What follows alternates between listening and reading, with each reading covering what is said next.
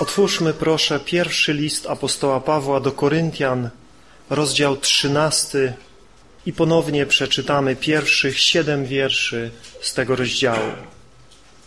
Choćby mówił językami ludzi i aniołów, a miłości bym nie miał, byłbym jak miedź brzęcząca albo cymbał brzmiący. I choćbym miał dar prorokowania i znał wszystkie tajemnice i posiadał wszelką wiedzę, i choćbym miał pełnię wiary, tak żebym góry przenosił, a miłości bym nie miał, byłbym niczym. I choćbym rozdał ubogim cały swój majątek, i choćbym wydał swoje ciało na spalenie, a miłości bym nie miał, nic nie zyskam. Miłość czeka cierpliwie. Miłość postępuje uprzejmie, nie zazdrości. Miłość się nie wynosi, nie nadyma się, nie zachowuje się niestosownie, nie szuka własnej korzyści, nie jest porywcza, nie prowadzi rejestru zła, nie cieszy się z niesprawiedliwości, lecz współraduje się z prawdy. Wszystko zakrywa, wszystkiemu wierzy, ze wszystkim wiąże nadzieję. Wszystko przetrzymuje. Apostoł Paweł mówi o niezbędności miłości. Szczególnie pierwsze trzy wiersze tego rozdziału. Niezbędność miłości. Dalej wymienia cechy miłości. Wiersze od czwartego do siódmego. W kolejnych wierszach, których już nie czytaliśmy, Paweł mówi o trwałości miłości. Wiersze od ósmego do dwunastego. I wreszcie w wierszu trzynastym mówi o prymacie miłości, nadrzędności miłości ponad innymi cnotami. Tak jak powiedzieliśmy już wcześniej, miłość to nie uczucia. Ta miłość, o której tutaj mówimy. Oczywiście jest taka miłość uczuciowa, ale nie o tej tutaj mówimy. Mówimy tutaj o miłości, która wyraża się w czynach, w działaniu. Ta miłość jest tutaj zilustrowana nie przymiotnikami, ale czasownikami. Mówi o czynie, o działaniu. Kiedy Jezus powiedział miłuj swoich nieprzyjaciół, nie miał na myśli miej miłe uczucia w stosunku do nich. Powiedział raczej czyń dobre rzeczy dla nich. Na tym polega miłość nieprzyjaciół, że się czyni dla nich dobre rzeczy, chociaż oni czynią nam złe.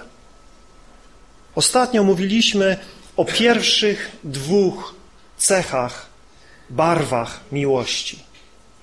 O cierpliwym znoszeniu trudności i w szczególności trudnych ludzi oraz o uprzejmym postępowaniu wobec wszystkich, również tych trudnych ludzi. Dzisiaj zajmiemy się trzema rzeczami, których miłość nie robi.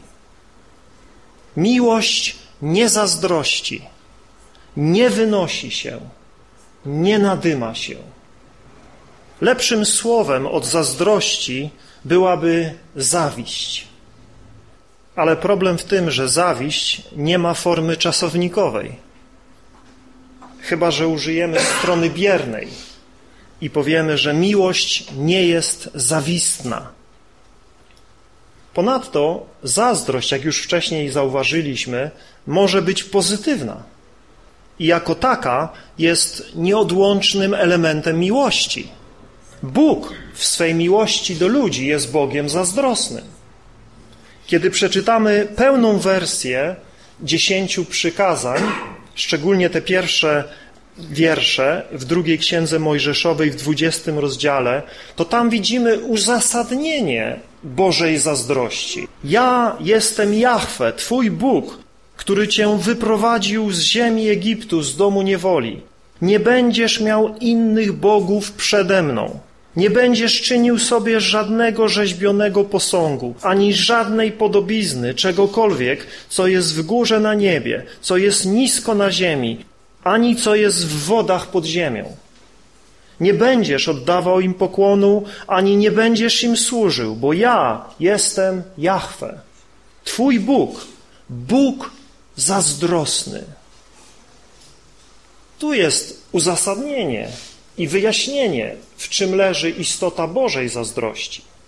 Kiedy Jego umiłowany lud porzuca Go, odwraca się od Niego i zwraca się ku marnościom, kiedy służy rzeczom stworzonym zamiast Stwórcy, kiedy Jego lud nie jest Mu wierny, ale oddaje się jakiejkolwiek formie bałwochwalstwa, szczenia czegokolwiek, co nie jest Bogiem, tak jakby to było Bogiem. Bóg chce być kochany całym sercem, całą duszą, całą mocą i całym umysłem.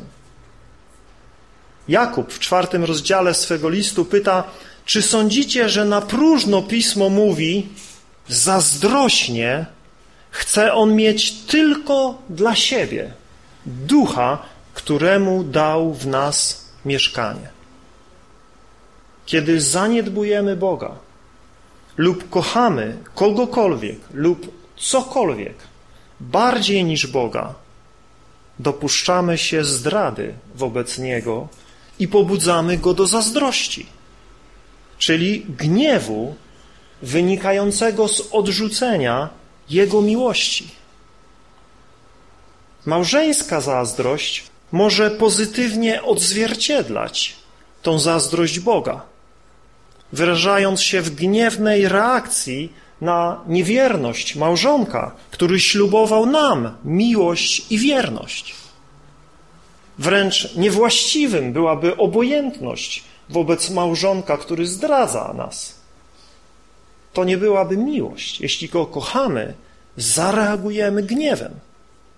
Zareagujemy zdrową, właściwą zazdrością. Oczywiście w wielu małżeństwach jest wiele chorej zazdrości, nieuzasadnionej zazdrości, podejrzliwości wynikającej z braku zaufania, ale to już inna rzecz.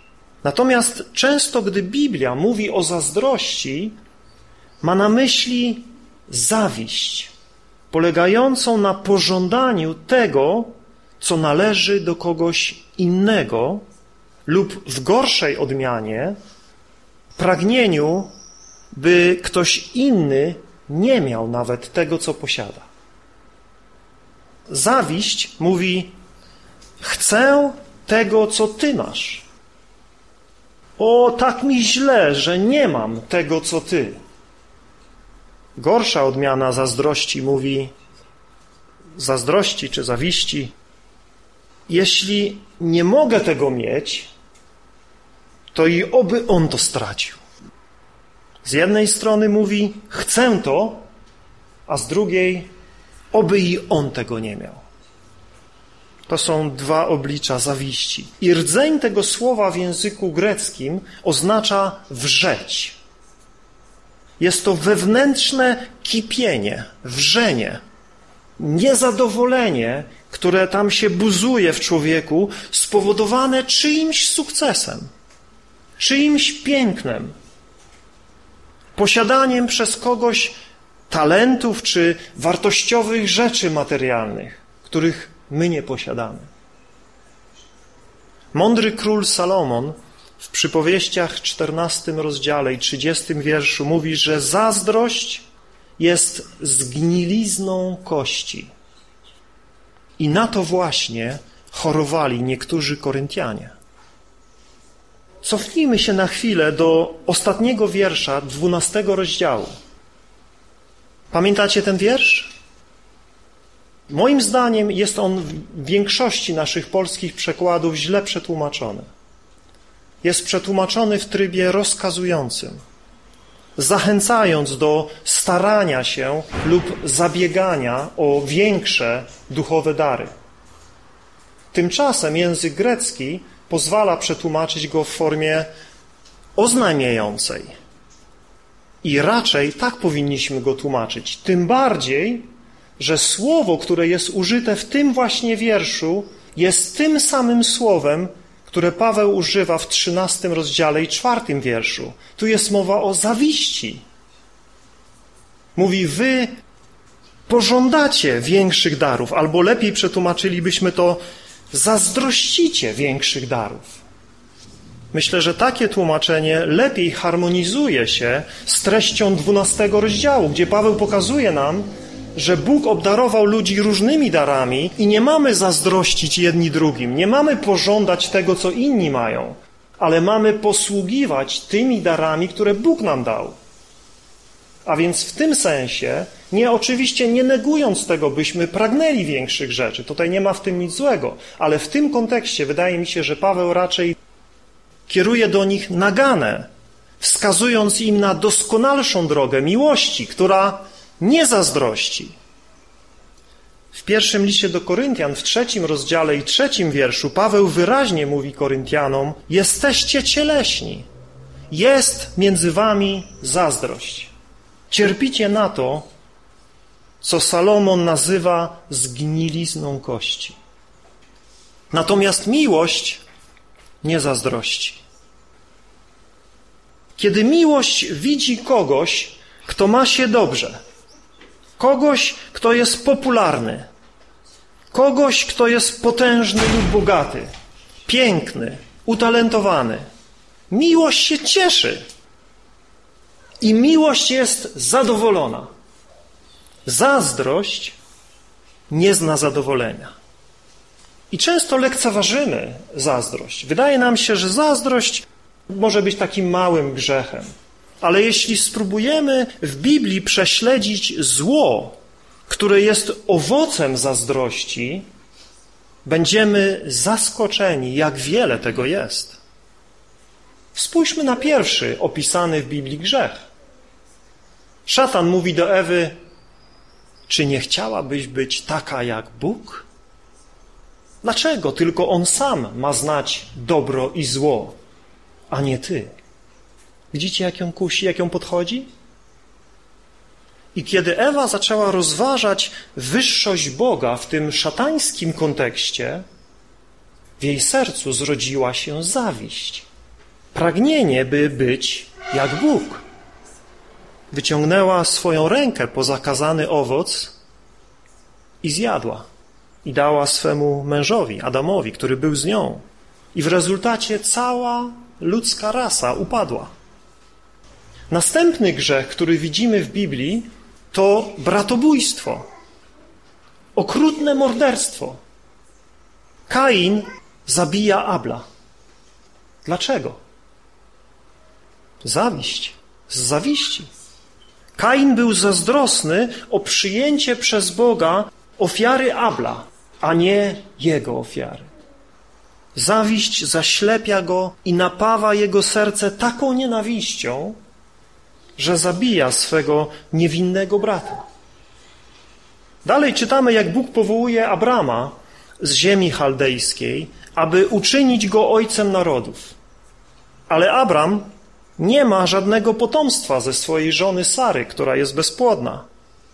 Za jej namową więc płodzi syna z nałożnicy Hagar i zaczynają się problemy. Hagar gardzi Sarą. Sara jest zazdrosna o Hagar i dokucza jej tak, że ona ucieka na pustynię. Abraham kocha syna Hagar, Ismaela. Ale Sara zawistnym okiem patrzy na Ismaela, który gardzi jej synem później już, Izaakiem. I w końcu Hagar zostaje odprawiona razem z Ismaelem. Hagar została wykorzystana i wypędzono. Zazdrość, zawiść. Jakub, syn Izaaka, ma dwie żony i dwie nałożnice. To nie wyróży nic dobrego. Ich dom aż kipi zazdrością o miłość Jakuba. Ciągła rywalizacja między tymi kobietami i porównywanie, która ile dzieci mu urodziła. Jakub z tych kobiet ma w sumie dwunastu synów i pomiędzy nimi jest rywalizacja o pierwszeństwo i miłość ich ojca. Jakub, jak wiecie, darzy szczególną miłością Józefa, syna faworyzowanej żony Racheli. I pozostali bracia tak go nienawidzą, że planują go zabić. Ale dzięki Bożej opatrzności sprzedają go jako niewolnika Ismaelitom. I kiedy Szczepan, pierwszy męczennik, komentuje tą sytuację, stojąc przed Najwyższą Radą Żydowską, mówi: Patriarchowie z zawiści sprzedali Józefa do Egiptu. Jedna historia po drugiej ilustruje zabójczy jad zawiści i jej gorzkie owoce. Spory, kłótnie, nienawiść, morderstwa. Tak jak Jakub pisze w swoim liście w trzecim rozdziale i szesnastym wierszu, gdzie jest bowiem zazdrość i kłótliwość, tam też niepokój i wszelki zły czyn. Tam, gdzie masz zazdrość, tam jest wszelkie zło, wszelkie złe działanie.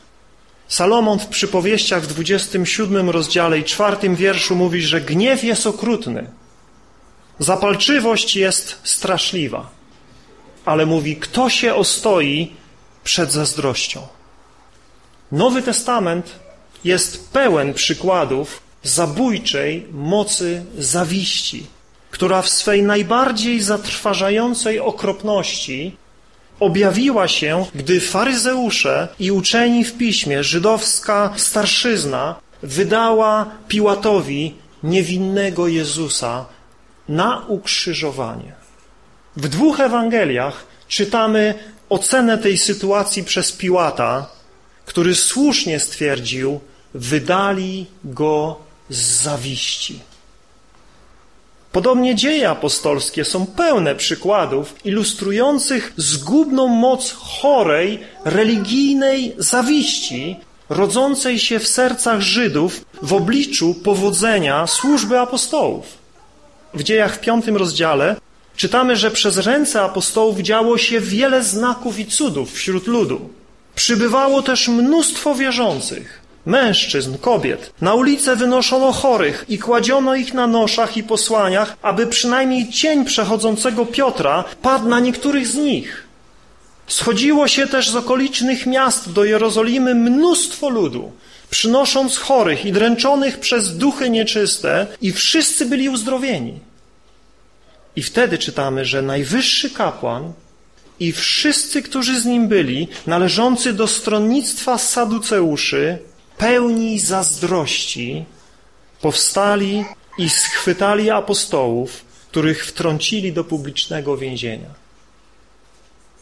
Podobnie w trzynastym rozdziale dziejów apostolskich czytamy o Pawle i Barnabie, którzy dotarli do Antiochii Pizydyjskiej i w dzień szabatu weszli do synagogi i nauczali o zbawieniu w Chrystusie. W następny szabat niemal całe miasto się zebrało, aby słuchać Słowa Bożego. Ale kiedy Żydzi zobaczyli tłumy pełni zawiści, sprzeciwiali się słowom Pawła, występując przeciwko nim i bluźniąc. Do tego ich prowadziła religijna zawiść, zazdrość o ich powodzenie. Nie mogąc sprostać mądrości apostołów i mocy Ducha Świętego, czytamy, że podburzyli pobożne i poważne kobiety, oraz znaczących obywateli miasta wzniecili prześladowanie Pawła i Barnaby i wypędzili ich ze swoich granic. Zawiść, religijna zawiść.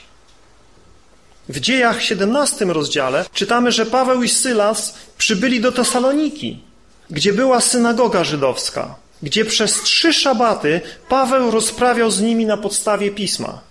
Wyjaśniając i nauczając, że Chrystus musiał cierpieć i powstać z martwych oraz że On jest Chrystusem.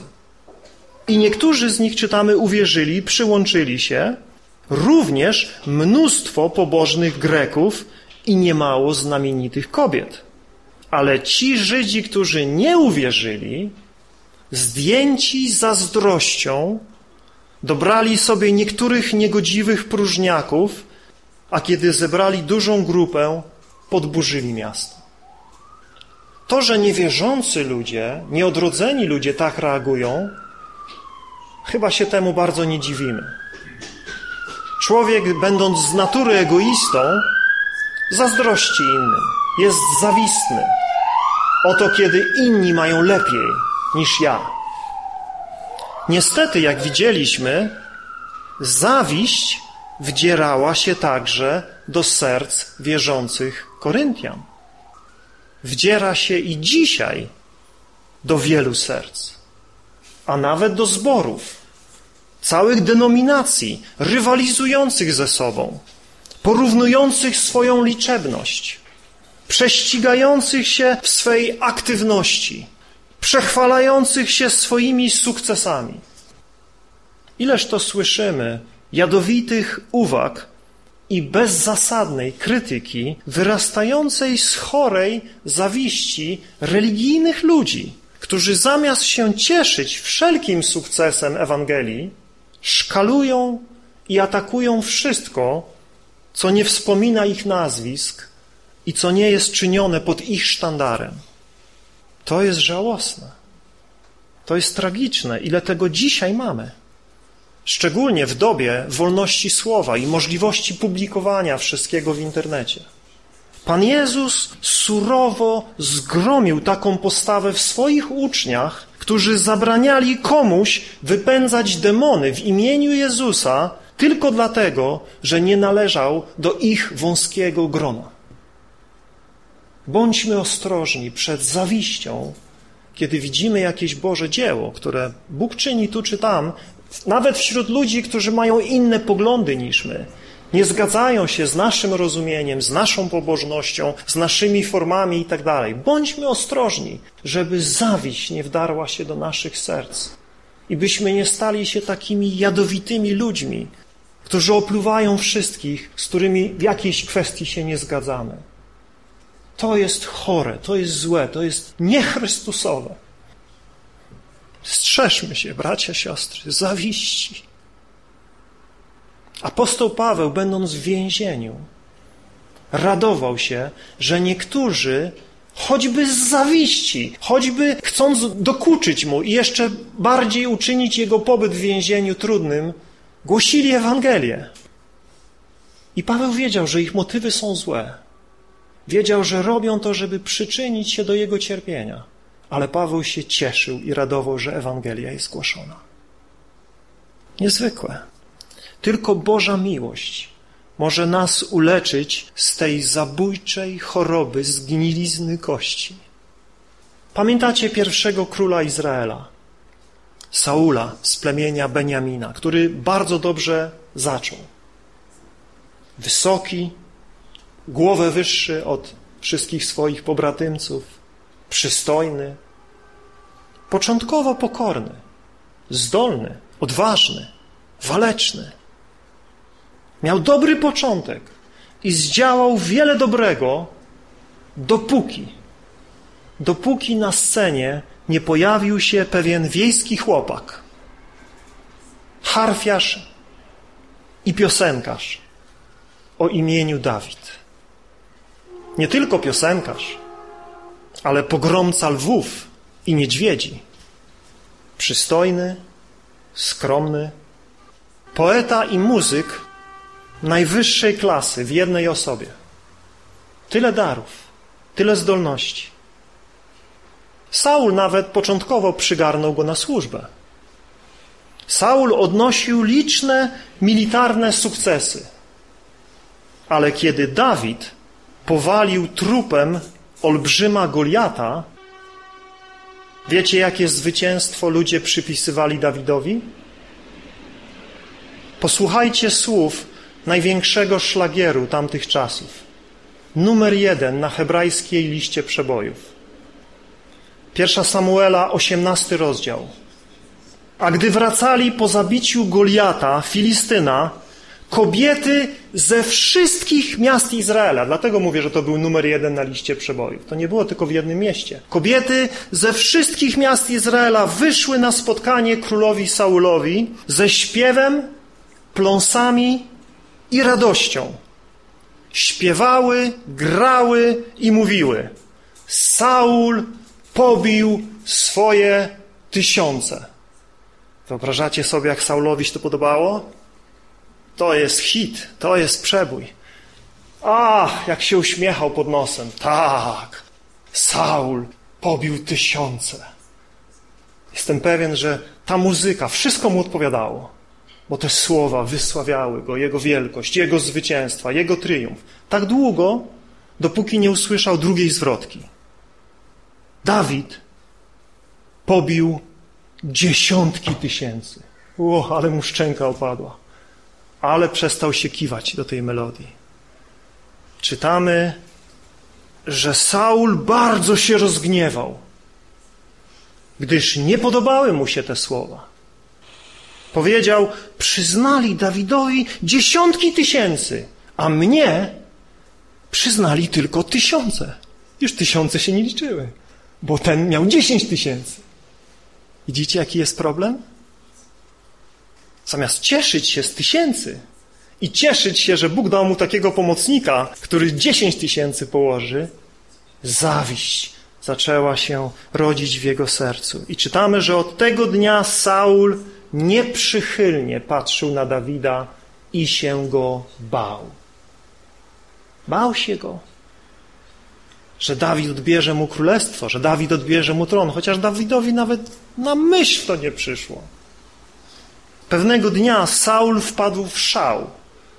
Chwycił za włócznie i próbował przebić nią Dawida. Do tego prowadzi zawiść, do morderstwa. Następnie posłał bandę rzezimieszków, aby zabili Dawida w jego własnym domu. Także Dawid musiał uciekać, i przez całe lata tułał się po pustyni. Ale Saul miał syna, Jonatana, który był prawowitym następcą tronu. Niewiele wiemy o Jonatanie, poza tym, że przyjaźnił się z Dawidem i że nigdy nie był zazdrosny o Dawida.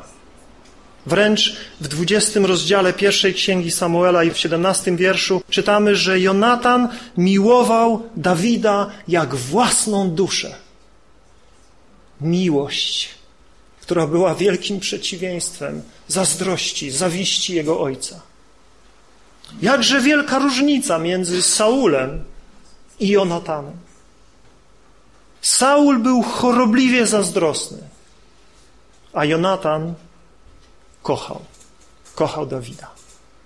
Miłość nie zazdrości. Biblia powtarza nam, że w życiu chrześcijanina nie może być miejsca na zawiść. Zawiść potrafi się dobrze maskować, ukrywać i zwodzić nas w swojej subtelności. O, my wyraźnie widzimy jaskrawe, jawne, zewnętrzne grzechy, ale głęboko skrywana zgnilizna kości, zawiść, może po cichu korodować fundamenty naszego życia. Irlandzki pisarz Oscar Wilde napisał kiedyś sztukę, która dobrze ilustruje ten problem. Oto diabeł przemierzał libijską pustynię, gdzie napotkał całą bandę demonów, które ciężko mozoliły się nad starym pustelnikiem, który postanowił być święty. Porzucił wszystko na tym świecie i wyruszył w daleką pustynię, by tam doskonalić swą duszę i społeczność ze swoim Bogiem. Demony próbowały skłonić go do grzechu, skusić tego starego pustelnika do jakiejkolwiek złości, nieprawości, ale nic im się nie udawało. Niezłomnie ten człowiek opierał się wszystkim ich pokusom. Nie mogli namówić go do popełnienia grzechu. Wreszcie, po przyjrzeniu się ich porażce, z obrzydzeniem diabeł zwrócił się do demonów. To, co robicie, jest zbyt prymitywne. Dajcie mi tylko chwilę. Diabeł zbliżył się do pustelnika i szepnął do jego ucha. Twój brat został właśnie mianowany biskupem Aleksandrii. Od razu grymas zawiści przeciął twarz pustelnika. To, powiedział diabeł z triumfem, to jest coś, co polecam. Oczywiście to tylko zmyślona historia, ale jakże wielu rzeczywistych pielgrzymów ugrzęzło w pułapce zawiści. Jeśli szatan nie może się do nas dobrać w jednym miejscu, będzie szukał innego, a zawiść jest słabym punktem wielu. Można być zawistnym niemal o wszystko. Oto jak ktoś się ubiera, jak ktoś wygląda, gdzie pracuje, ile zarabia, kogo zna, gdzie mieszka, jak spędza wolny czas. Niech tylko ktoś ci bliski zacznie odnosić większe sukcesy niż ty. Miej się na baczności i pilnuj swego serca, by nie wdarła się tam zgubna zawiść. We Włoszech na początku XX wieku było dwóch wielkich dyrygentów symfonicznych. Arturo Toscanini i Pietro Mascani. Mascani był znany ze swojego okropnego charakteru. Był sławną, dumną i egoistyczną personą. Mascani miał ciągłe pretensje do Toscaniniego, chociaż nie było lepszego dyrygenta od Toscaniniego. W Mediolanie przygotowywano festiwal muzyczny, aby uhonorować wielkiego kompozytora Verdiego. Komisja organizująca festiwal zapytała, czy Toscanini i Mascani poprowadzą orkiestrę. Mascani był tak zazdrosny o Toscaniniego, że postawił warunek. Powiedział tak, będę dyrygował pod jednym warunkiem, że dostanę więcej pieniędzy niż Toscanini. Kierownictwo zgodziło się. Na zakończenie festiwalu Maskani otrzymał swoją zapłatę. Jednego lira. Kiedy się zbulwersował i zaprotestował, dowiedział się, że Toscanini dyrygował za darmo. Maskani wyszedł na głupca, ale nie wydaje się, że wyciągnął z tego wydarzenia zbawczą lekcję. Kiedy później skomponował operę, zadedykował ją, wiecie komu? Samemu sobie. Dosłownie jego dedykacja brzmi następująco. Dla siebie, z wielkim szacunkiem i niezmierną satysfakcją. To jest bycie nadętym. Miłość cieszy się z powodzenia innych, z piękna innych, ze zwycięstw innych, z sukcesów innych, z obdarowania innych.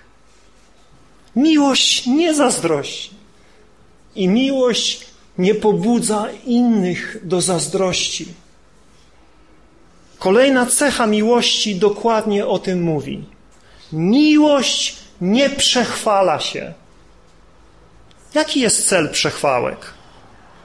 Wzbudzanie w słuchaczach podziwu i zazdrości. Zazdrość jest pragnieniem czegoś, co mają inni ludzie, a przechwalanie się ma sprawić, że inni będą nam zazdrościć tego, co my mamy. Zauważmy, że tuż zaraz mamy kolejne stwierdzenie, że miłość się nie nadyma.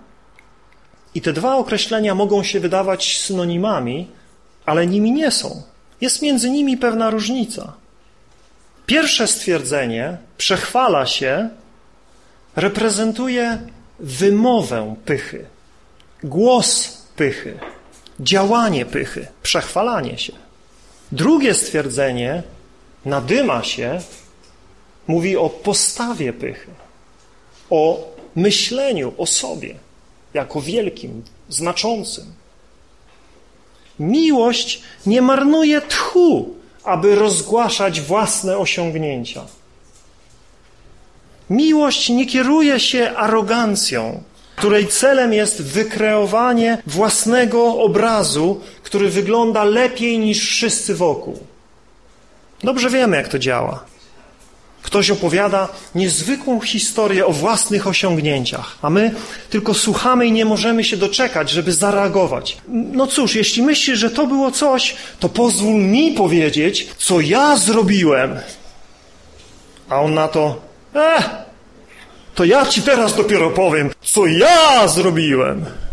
I tak się przechwalają. Ten to, a ten tamto i wiecie, fantazje i tak dalej, i tak dalej. Celem przechwałek jest sprawienie na kimś wrażenia, że jesteśmy lepsi od innych. A to jest przeciwieństwo miłości. Ponieważ miłość zabiega, aby inni czuli się dobrze, aby inni czuli się lepsi, podczas gdy my zajmujemy pozycję sługi. To jest miłość. William Carey był jednym z największych misjonarzy, którzy kiedykolwiek żyli. Poświęcił lata pracy wśród biedoty w Indiach. Był jednym z największych lingwistów, jakich kiedykolwiek widział ten świat. William Carey przetłumaczył fragmenty Biblii na 34 języki. Przetłumaczył fragmenty Biblii na 34 języki, żeby ludzie mogli czytać w swoich językach. Ale rozpoczął swoją karierę jako skromny szewc. Zanim stał się misjonarzem, był szewcem. Pewnego razu na hucznej kolacji, na którą został zaproszony, pewien arystokrata próbował publicznie upokorzyć Kareja. Powiedział głośno, tak żeby wszyscy mogli to usłyszeć. Słyszałem, panie Karej, że kiedyś pracował pan jako wytwórca obuwia. O nie, szanowny panie, odpowiedział William Carey. Nie jako wytwórca obuwia, tylko jako prosty szewc, naprawiający buty. Tak, miłość nie ma wielkiego mniemania o sobie, ale ma wielkie serce. Miłość nie dmucha we własny róg, z dumą i pychą. Ale kiedy miłość otwiera swoje usta, chwali innych. Przysłuchujmy się naszym własnym słowom i zauważmy, ile w nich pochwały dla innych, a ile samochwalstwa. Kiedy Ty i ja otwieramy nasze usta, to przede wszystkim kto powinien być chwalony? My sami? Czy nasz Pan, nasz Bóg, nasz Zbawiciel, Jezus Chrystus? Jeśli nauczymy się zawsze Jego chwalić, to będziemy wolni od ciągłego mówienia o sobie. Niektórzy ludzie, jak tylko otworzą usta, to nie mówią nic innego, jak tylko to, co zrobili, co osiągnęli, jak to cierpią, jak to się zmagają, czego to nie widzieli, czego nie nasłuchali się, czego to nie wiedzą i jak to wszyscy wokół powinni się od nich uczyć. Niektórzy mogliby bez końca wygłaszać kazania na własny temat, ale to jest dalekie od miłości. To w ogóle nie jest chrześcijańskie. Jeśli spojrzysz na Jezusa Chrystusa, to On naprawdę miał się czym chwalić, ale tego nie robił. Nigdy tego nie robił. Jeżeli rozważymy Ewangelię Jana, która najjaśniej przedstawia Jego bóstwo, ile razy przeczytamy tam, jak Jezus mówi w pokorze, nic nie czynię sam z siebie. Nic nie mówię od siebie. Nie szukam własnej chwały, ale szukam chwały tego, który mnie posłał. Ilu z nas może tak uczciwie powiedzieć? Ilu z nas może dojść do końca choćby jednego dnia i powiedzieć: Boże, nie mówiłem dzisiaj nic od siebie? Szczerze mówiąc, nie bardzo mamy o czym mówić sami od siebie. Jednak prawda jest taka, że to puste ciężarówki robią najwięcej hałasu. Tak. Załadowane ciężarówki, załadowane po brzegi jadą powoli i cicho, ale puste gnają i robią wielki raban. Podobnie puści ludzie mają wiele do powiedzenia i robią wiele szumu i zamętu i wydaje im się, że bez ich mądrych rad i wielkich słów świat by się zawalił.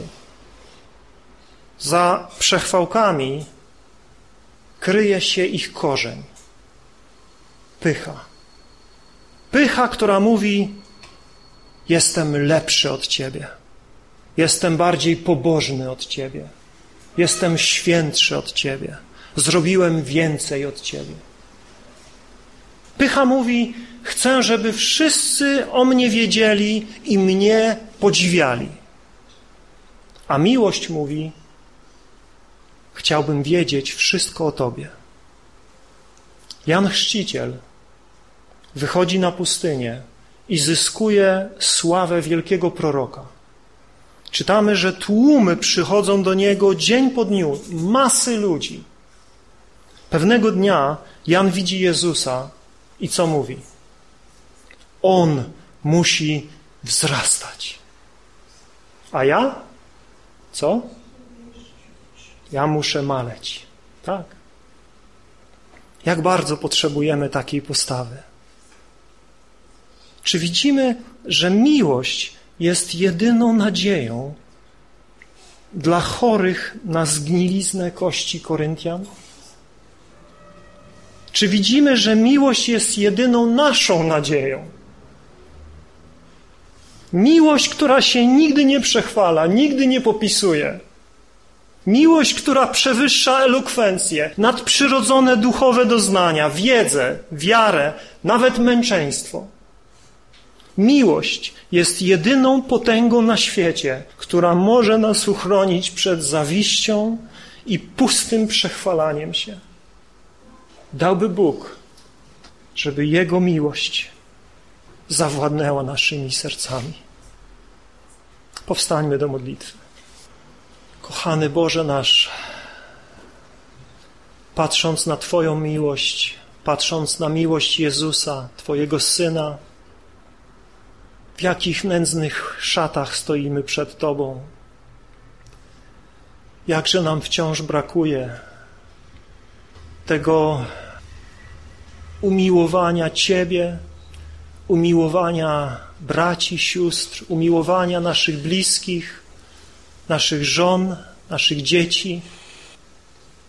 Twoją miłością, Panie. Jakże pragniemy, by nasz egoizm, nasze samolubstwo, nasze wielkie mniemanie o sobie zostało zdruzgotane mocą Twojej miłości. Prosimy o Twoją pracę w naszych sercach i ratowanie nas ze zgnilizny kości, patrzenia na innych, którym dobrze się wiedzie, którzy odnoszą takie czy inne sukcesy i zazdroszczenia im, i źle im życzenia, i cieszenia się, kiedy im się noga powinie. Boże, zachowaj nas, ratuj nas.